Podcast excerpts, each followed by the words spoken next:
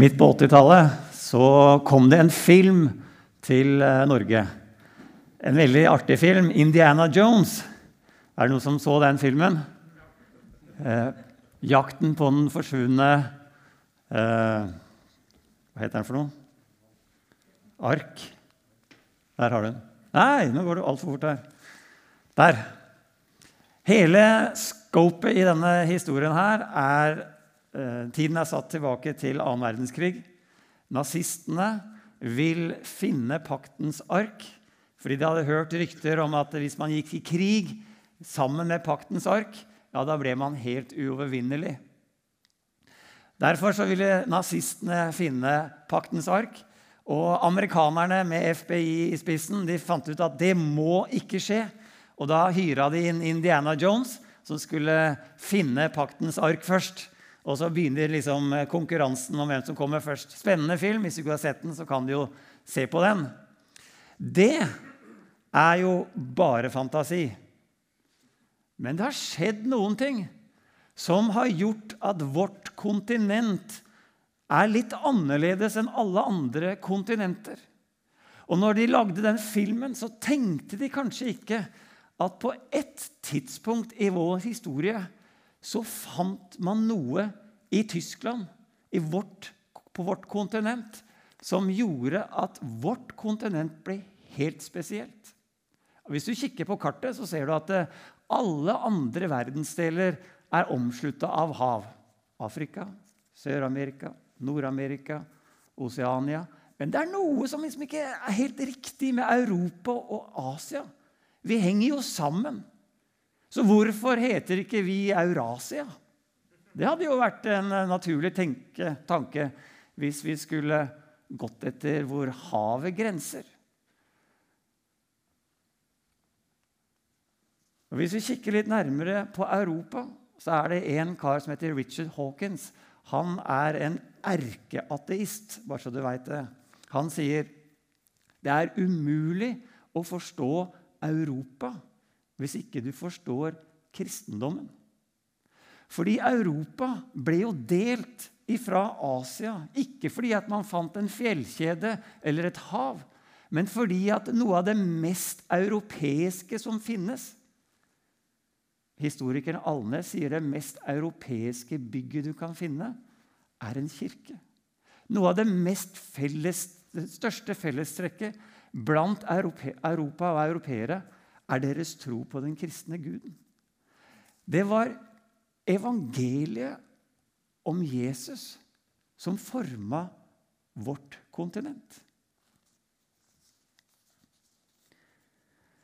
Opp gjennom eh, middelalderen så var den europeiske sivilisasjonen langt underlegen den arabiske eller den muslimske verden. Muslimene var sterkere, de var flinkere militært sett, de var mer velstående, de hadde kommet lenger i vitenskapen enn de kristne. Men på et eller annet tidspunkt så skjedde det en endring. Plutselig så ble rollene bytta om. Og den europeiske livsstilen, kulturen, tok av. Og i løpet av en liten stund så ble Europa verdensleder. Ja, vi kan si Europa og den vestlige verden, som på en måte utbredt seg litt vestover, ble verdensleder på alle samfunnsområder. Innenfor helse, innenfor utdannelse, innenfor økonomi, innenfor de militære, styrkemessige forholdene, innenfor vitenskap og innenfor menneskerettigheter. På alle områder så har Europa langt takka, tatt av i forhold til samtlige samfunn ellers i verden. Hva er det som skjedde? Hvorfor er liksom det blitt slik? Er det fordi at vi europeere er mye klokere? At det finnes klokere og smartere mennesker i Europa enn i Kina eller i Afrika eller i Midtøsten? Hvorfor skjedde dette? Det er jo selvfølgelig ikke fordi vi er klokere. Det finnes kloke mennesker alle steder, og det finnes dumme mennesker alle steder. Og Hvis du går på skolen, så lærer du at det skjedde én ting. nemlig boktrykkingen. Det var en kar som het Gutenberg, som oppfant boktrykkingen. Og det forandra Europa. Det skjedde i Tyskland. Men det var jo ikke så spesielt. Nesten 1000 år tidligere så hadde boktrykkerkunsten blitt oppfunnet i Kina. Men de hadde ikke hatt en eksplosiv vekst. Og en, Det finnes en bok som er fra 751, og den heter The Spotless Pure Light, Da Haruni Sutra. Men problemet er at folk leste den ikke. Og den betyr ikke så veldig mye. Den forandrer ikke samfunnet. I år 1234 så begynte man å bruke metallfonter, eller metallbokstaver, når man trykka i Korea. Det var over 200 år tidligere enn Tyskland. Allikevel så peker alle tilbake igjen til 1454, da Gutenberg begynte å trykke. Hvorfor det? Jo, for du ser, det kommer ikke an på om man kan å trykke eller ikke. Det det kommer an på, er hva man trykker. I Østen så trykka man buddhistiske tekster. Gutenberg trykka Bibelen. Bibel, sier du kanskje. Hva har en bibel med utvikling og vekst å gjøre? Er ikke Bibelen en sånn gammeldags greie fullt av mørkemenn, tvang og blodige fortellinger? Jeg leste i VG her for tre dager siden. Der er en kar som skriver sin hjertens mening. Han sier For verdier som demokrati likestilling, ytringsfrihet, menneskerettigheter, folkesuverenitet, maktfordelingsprinsipp osv. har fint lite med kristendommen å gjøre. Tvert imot har Kirken stort sett alltid slått, stått på barrikadene mot disse helt fundamentale, nødvendige idealene ethvert liberalt demokrati. Så leser jeg det, så går jeg litt mer duknakka videre og tenker ja, ja. Det var vel sånn da, at vi måtte legge igjen huet ved døra når vi kom inn og skulle være kristne. Ja, ja, det var vel sånn at vi er ikke med på å bringe fremgang. Vi er jo bare sånne tradisjonelle konservative som ikke vil noe nytt. Nå skal jeg si det at vi kristne vi må ta ansvar for vår del av maktsyke og motstand. Vi kristne er ikke perfekte. Og du vet hva som skjer med makt. Mennesker som får makt, de misbruker makten veldig raskt. Du trenger bare å bli en eller annen ungdomsleder i et politisk parti, og så plutselig så misbruker du makta di. Og dette har vi jo lest mye om i avisene. Tenk deg åssen det var i middelalderen. I middelalderen så var det nesten ingen som kunne lese latin. Og i middelalderen så fantes Bibelen bare på latin. Det var jo krise. Samtidig så hadde Kirka all makt. Kan du tro Kirka ble korrupert? Men å trykke Bibelen var jo genialt. For du ser at når prestene, som ikke engang kunne Bibelen ja, Jeg leste en undersøkelse blant prestene i middelalderen. De skulle si fra hvor de ti bud sto i Bibelen. Ja, det visste de ikke. Skal jeg se, Hvor står de ti bud, da? De aller fleste av prestene gjetta på Matteus. Og det er jo feil. Nå er jeg ikke sikkert du vet hvor de ti bud står heller. da skal jeg forklare til deg. De ti de står i andre Mosebok nesten helt i begynnelsen, i Det gamle testamentet. Mens prestene, de som skulle vite disse tingene, i middelalderen, de tippa Nytestamentet, Matteus evangelium. Derfor så var det genialt å trykke Bibelen. Diktatorer og ledere har ofte frykta Bibelen. De ønsker ikke at folket skal ha tilgang på denne boka her. Det kan være av varierende grunner, men kanskje fordi den forteller historien om hebreerne som var slaver som var undertrykt av farao, og hvordan de fant frihet. Kanskje er det fordi at de leser om Jesu frigjøring av mennesker. Og Derfor har mange mennesker bestemt seg for at dette her er kanskje noe av det viktigste mennesker kan få. Så også familien til kona mi. På 70-tallet pakka de den lille bilen sin og putta bibler inn i alle tomme rom og skjulte de overalt i bilen. Og så satte de nesa for Romania, for de ville at menneskene som bodde under Ceaucescu, skulle få lov å få en bibel. Og I etterkant av at Gutenberg begynte å trykke Bibelen, så ville flere begynne å oversette Bibelen til vanlige menneskers språk. Og Her kom jeg over en helt unik historie. Det er en kar som heter William Tyndall. Han provoserte verden rundt seg ved å si at 'jeg vil at den som går bak plogen, skal vite like mye om Bibelen som paven'. Da ble det furore. Nei, sånn må det ikke bli. Det er jo bare prestene og liksom de lærde som kan uh, kjenne til Bibelen. Og så begynte de å jakte på han der kameraten. Takk skal du ha. Så begynte de å jakte på han der, så han måtte jo fly fra England. Og så satt han der på kontinentet og skrev eh, Det nye testamentet og Det gamle testamentet. Og i år 1525 ga han ut 6000 kopier av Det nye testamentet. Da bodde han i Belgia.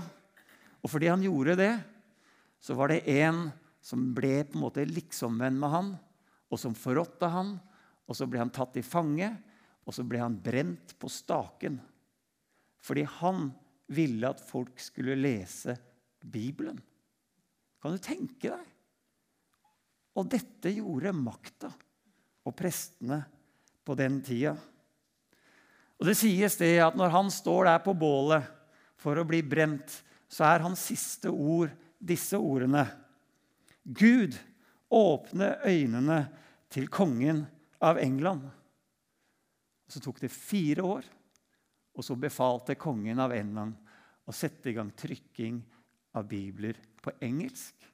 Og hans oversettelse er ca. 80-90% av dagens King James-bibel. Det var en som visste hva som krevdes. For du ser, det er lurt å kunne Bibelen på sitt eget språk. Fordi Bibelen kan gi deg mer enn inspirasjon til kristenlivet. Ta f.eks. dette med verdighet. I uavhengighetserklæringen så skriver Thomas Jefferson We hold this truth to be self-evident.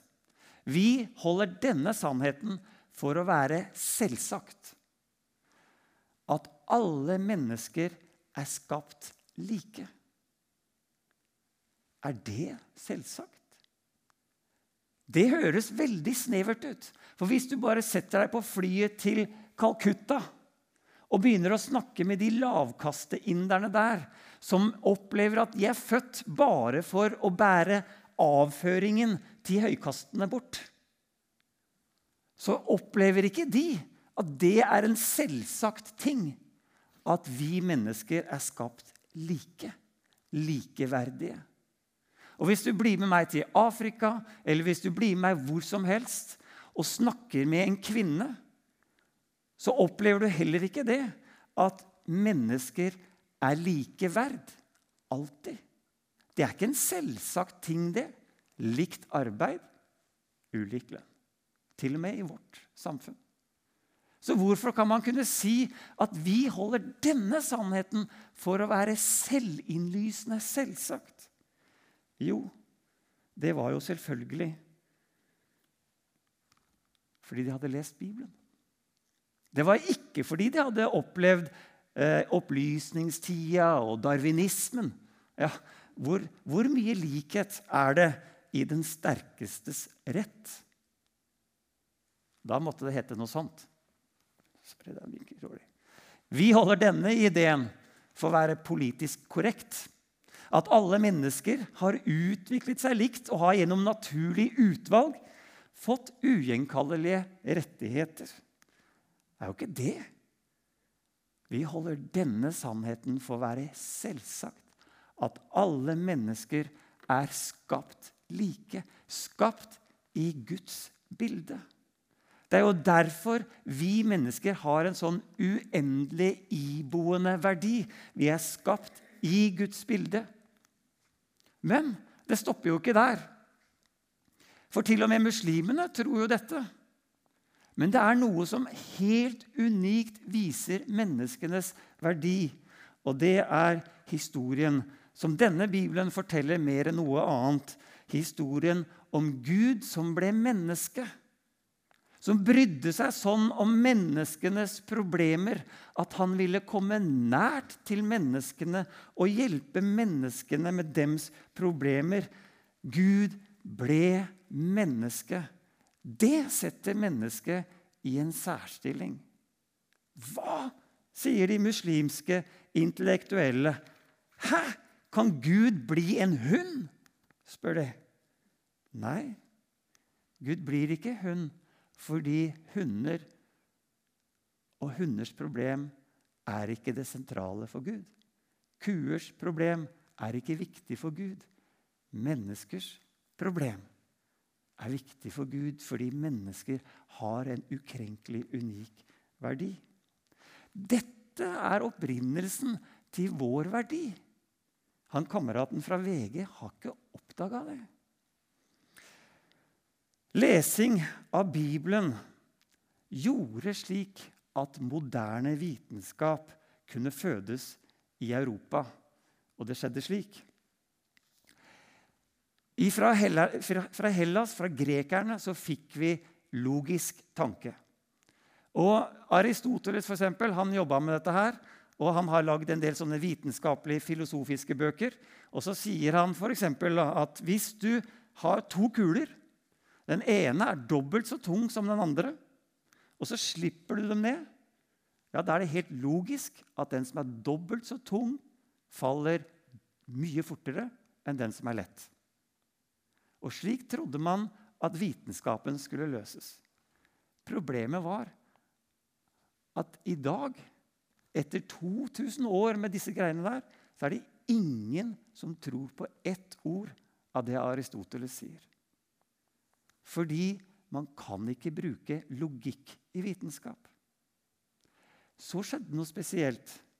Jesus kom, og så sier han, 'Du må ikke bruke logikken din.' Han sa til alle sine kritikere, 'Se, observer mine gjerninger.' Og så satte Jesus observasjon høyere enn logisk tanke. Og Det var det som skjedde med Bacon, Galileo og Newton. De startet moderne vitenskap fordi de satte observasjon over logikk. Og Galileo han sto jo oppå dette berømte tårnet i Pisa, og så slapp han ned to sånne klumper. Én tung, én lett. Og så så de at de falt like fort. Muslimene, de muslimske lærde, sier aha, det er ikke logisk. Da må det være noe feil med observasjonen. Men moderne vitenskap bygger på observasjon fremfor logikk. Den største enkeltstående årsaken til vitenskapelig revolusjon på 1500-tallet var at de kristne reformatorene begynte å studere Bibelen på en ny måte. Tidligere hadde de brukt Aristoteles' logiske eh, allegoriske metode. Men på 1500-tallet begynte de å studere på den induktive måten. Og så visste de kristne lærde at Gud hadde gitt oss to bøker. To? Mener du Nytestamentet og Gammeltestamentet? Nei. To bøker. Én bok som var Guds ord, og en annen bok som var naturen og historien. Og begge måtte leses nøye. Begge måtte observeres med stor nøyaktighet. Objektivt, bokstavelig og induktivt. Og Det er derfor det står på det første vitenskapelige laboratoriet som er lagd i verden, så står det over døren Majestics, Majestic are the works of the Lord. Those who delight in them, study them. Det er Salme 111, vers 2. Majestetiske er Herrens gjerninger. De som gleder seg ved dem, studerer dem. For Bibelen ber oss ikke legge av hodet ved døren når du går inn i kirken. Bibelen sier, 'Studer, se hva jeg har gjort'. Og Dersom Gud hadde gitt oss et skrevet budskap, da måtte jo alle lære å lese det. Konger, hersker, arbeidsgivere har aldri historisk sett gjort mye for at mennesker skal kunne lære å lese. Det har vært én drivende kraft for å lære å lese. Jo, det var for å kunne lese Guds ord og katekismen. Slik også i vårt land. Og slik ble Europa et kunnskapsrikt kontinent. Mange tenker at demokratiet kommer fra Hellas. Men i Hellas eksisterte det aldri et demokrati for mer enn et par tiår. Og hver gang resulterte det i gjengers voldelige styre. Platon han kalte det for sosialt kaos, for det var demokratiet som myrdet hans læremester Sokrates. Og han mente det var det verste av alle systemer. Han ville heller ha en filosofkonge. Og dette inspirerte eleven til Platon til å disippelgjøre Aleksander den store, som gikk i lære hos Aristoteles i mange, mange år. Så dro Aleksander den store ut og erobret store deler av verden, helt bort til India og store deler av Nord-Afrika. Og han helenesi, helenie, helene, hva nå han det heter heleniserte store deler av verden med gresk språk, gresk kultur og gresk litteratur. Allikevel så var det ingen av de stedene hvor det oppsto så mye som en lengsel etter demokrati. Eller demokratisk frihet. Europas demokratisering begynte da de reformerte vendte seg til Bibelen og spurte hvordan skal en nasjon styres? Og Bibelen sier Jesus er Herre. Og om Jesus er herre, så er det ikke plass for mennesker herrer. Herredømme. Og videre sier Jesus, som er herre, at han er ikke kommet for å bli tjent, for å herske, men for å tjene. Og Så begynte man i Skottland å studere, og så fant man ut at Gud hadde kalt oss mennesker til å være konger og prester. Og så fant de ut at det måtte være måten man skulle styre landet på. At alle mennesker hadde like mye å si. Og så begynte man det de kalte popular sovereignty, og som senere ble kalt demokrati. Det var der det starta. Fra denne boka.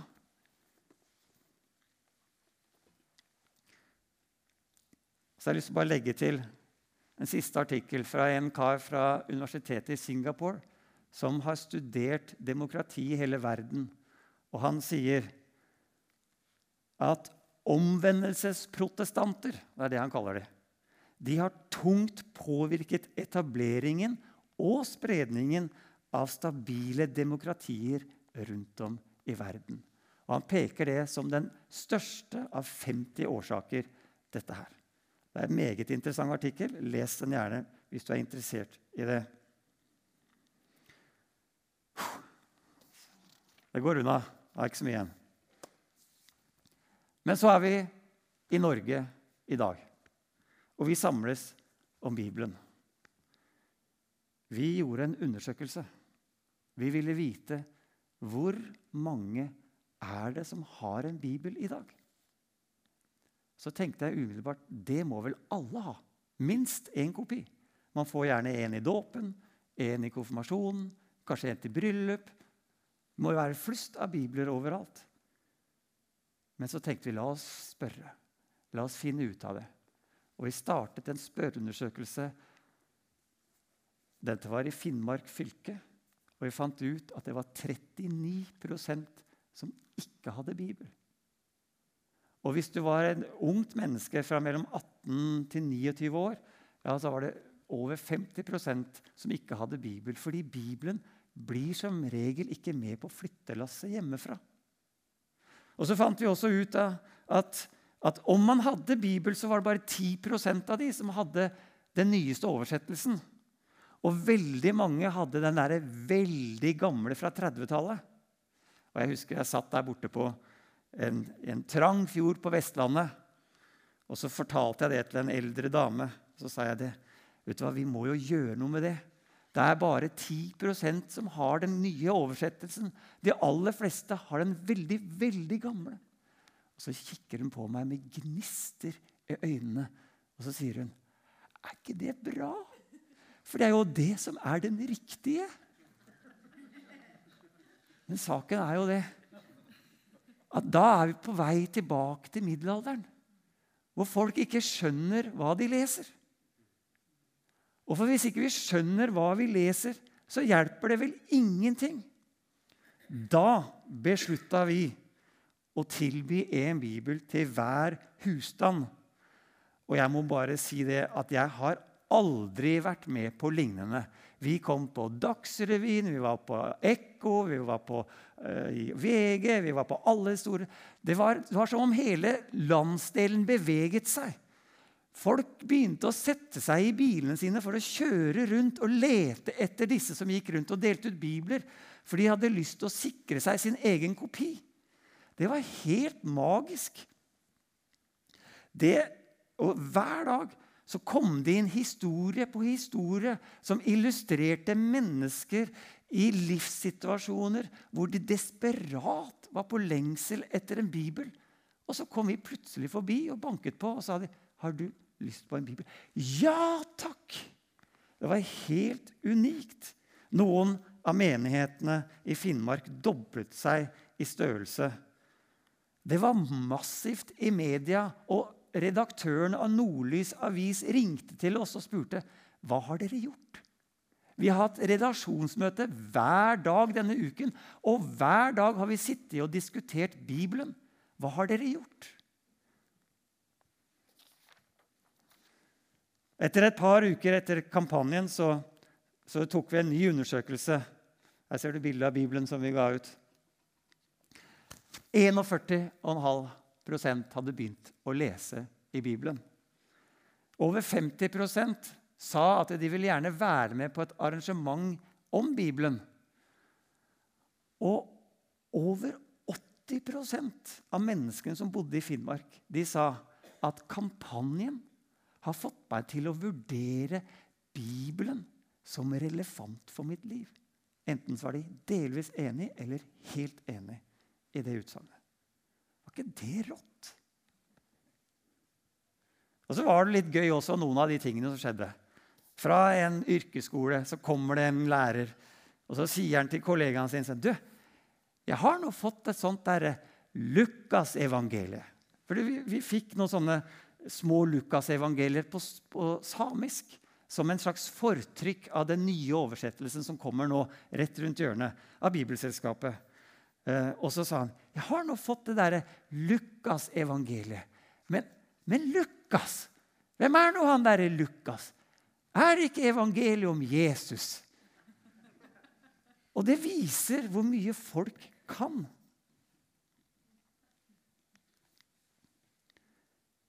Jeg satt hjemme en dag, og så kom Emil og så sier han, 'Pappa, du, her er det noe rart.' Og så begynte han å fortelle historien fra Dommernes bok. Du vet sikkert hvilken jeg tenker på. Den derre fæle historien. Det er noen fæle i, i, den boka. Dommernes bok for øvrig representerer en tid i Israels historie hvor de ikke hadde noen som kunne hjelpe dem til å holde Guds plan, holde Guds vilje, holde Guds bud. Og de drifta bort. Og så måtte de betale konsekvensen for det. Og så omvendte seg, altså snudde seg tilbake til Gud. Men så gikk det litt tid, så snudde de seg bort og dumma seg ut igjen. Og sånn gikk det om og om igjen. Og så forteller Emil meg historien om han derre levitten. Han som gifta seg med enda en kone. Og så var hun kona utro og dro hjem til faren sin. Og så dro han etter. Og så tar han med seg kona igjen for å reise hjem. Og på vei hjem så stopper de hos noen folk, og så slipper de dem inn i huset. Er de gjestfrie? Og mens de er der inne i huset, så kommer det en gjeng med menn som har lyst til å voldta denne mannen som kommer på besøk. Og så sier han nei, nei, nei, ikke voldta meg, liksom. Og så sender han ut kona si. Og så går han og legger seg. Og der ligger de og sover dagen, eller natta lang. Og så står han opp dagen etterpå, og der ligger kona død på dørterskelen. Liksom. Prøver så vidt å komme seg inn. Men er død, har vært voldtatt gjennom hele natta av denne mobben. Så tar han med seg liket, og så drar han hjem og så kutter han det opp i tolv biter. Og så sender han det ut til alle, til alle stammene i Israel. Så spør Emil pappa, hva er dette her for noe, egentlig? Og det, det er ikke så lett når du leser her fordi det, det, står liksom ikke alltid sånne kommentarer. Parentes 'Dette var lurt'. Eller parentes 'Dette her er imot Guds bud'. Eller parentes 'Dette var det dummeste han kunne gjøre'. Men Bibelen snakker bare ærlig.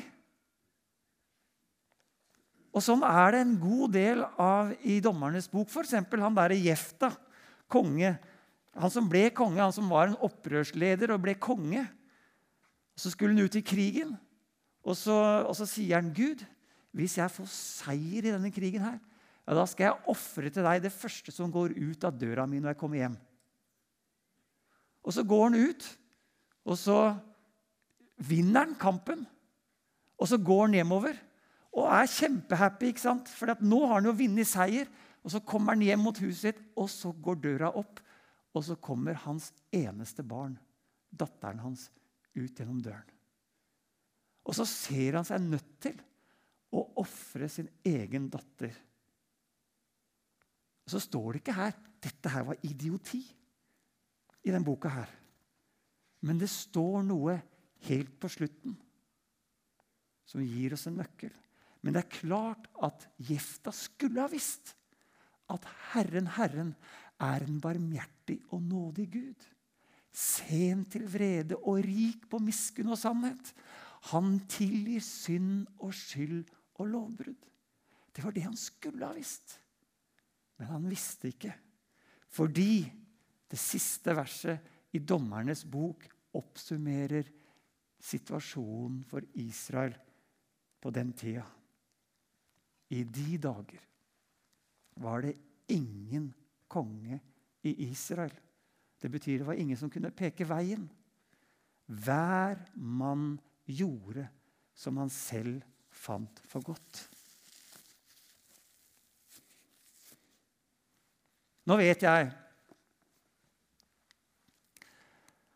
Nå tenker jeg at Europa og vårt kontinent er omtrent som de blomstene der. For hvis du kutter av noe på rota, så går det bare en liten stund, så visner det. Og vårt kontinent er det kontinentet som er prega mest av Bibelen. Av alle steder i verden så er vårt kontinent mest prega av Bibelen. Samtidig så er vi det kontinentet hvor mennesker tar mest avstand fra Bibelen. Og når det skjer, så går det ikke lang tid så blir vi kutta av røttene, og så vil vi visne. Og så blir det en beskrivelse for vårt kontinent. At i de dager så gjorde hver mann som han selv fant for godt. Nå vet jeg at alle vi som er her inne i dag, vi er begeistra for dem. Det vet jeg. Hvis ikke hadde du ikke vært her. Ja, kanskje du er her fordi du må låse opp eller må spille trommer eller et eller annet sånt ting. Men, eh, men, alle vi andre som er her, er her fordi vi er begeistra for dem. Så jeg snakker på en måte til de som er ikke men, meningsmotstandere, men, men begeistra. Når jeg forberedte meg her, så fikk jeg en tanke. Jeg hadde lyst til å lese fra noen utdrag fra en annen kar som hadde skrevet noe bra om denne boka. her. Og det var han som har skrevet Salme 119. Og du vet jo hvilken salme det er. Den er fryktelig lange, med 176 vers. Den salmen hvor det står at 'ditt ord er en lykt for min fot og lys på min sti'. Den salmen hadde jeg lyst til å lese litt av, og så tenkte jeg kanskje det kan være relevant for oss. Her står det Jeg gjemmer mitt ord, gjemmer ditt ord i hjertet. Det er vers 11. Jeg fryder meg over dine forskrifter. Det er vers 16. Jeg vil løpe den veien dine bud viser. Det er vers 32. Jeg fryder meg over dine bud, som jeg elsker. Vers 47. Det er min trøst i nøden. Vers 50. Loven fra din munn er bedre for meg enn mengder av gull og sølv. Det er vers 72. Jeg venter på ditt ord. Vers 81. Hvor høyt jeg elsker din lov. Vers 97. Underfulle er dine lovbud. Vers 129. Se, jeg elsker dine påbud. Vers 159. Jeg fryder meg over din lov. Vers 174. Jeg har gått meg vill som en bortkommen sau. Let etter meg. Vers 176.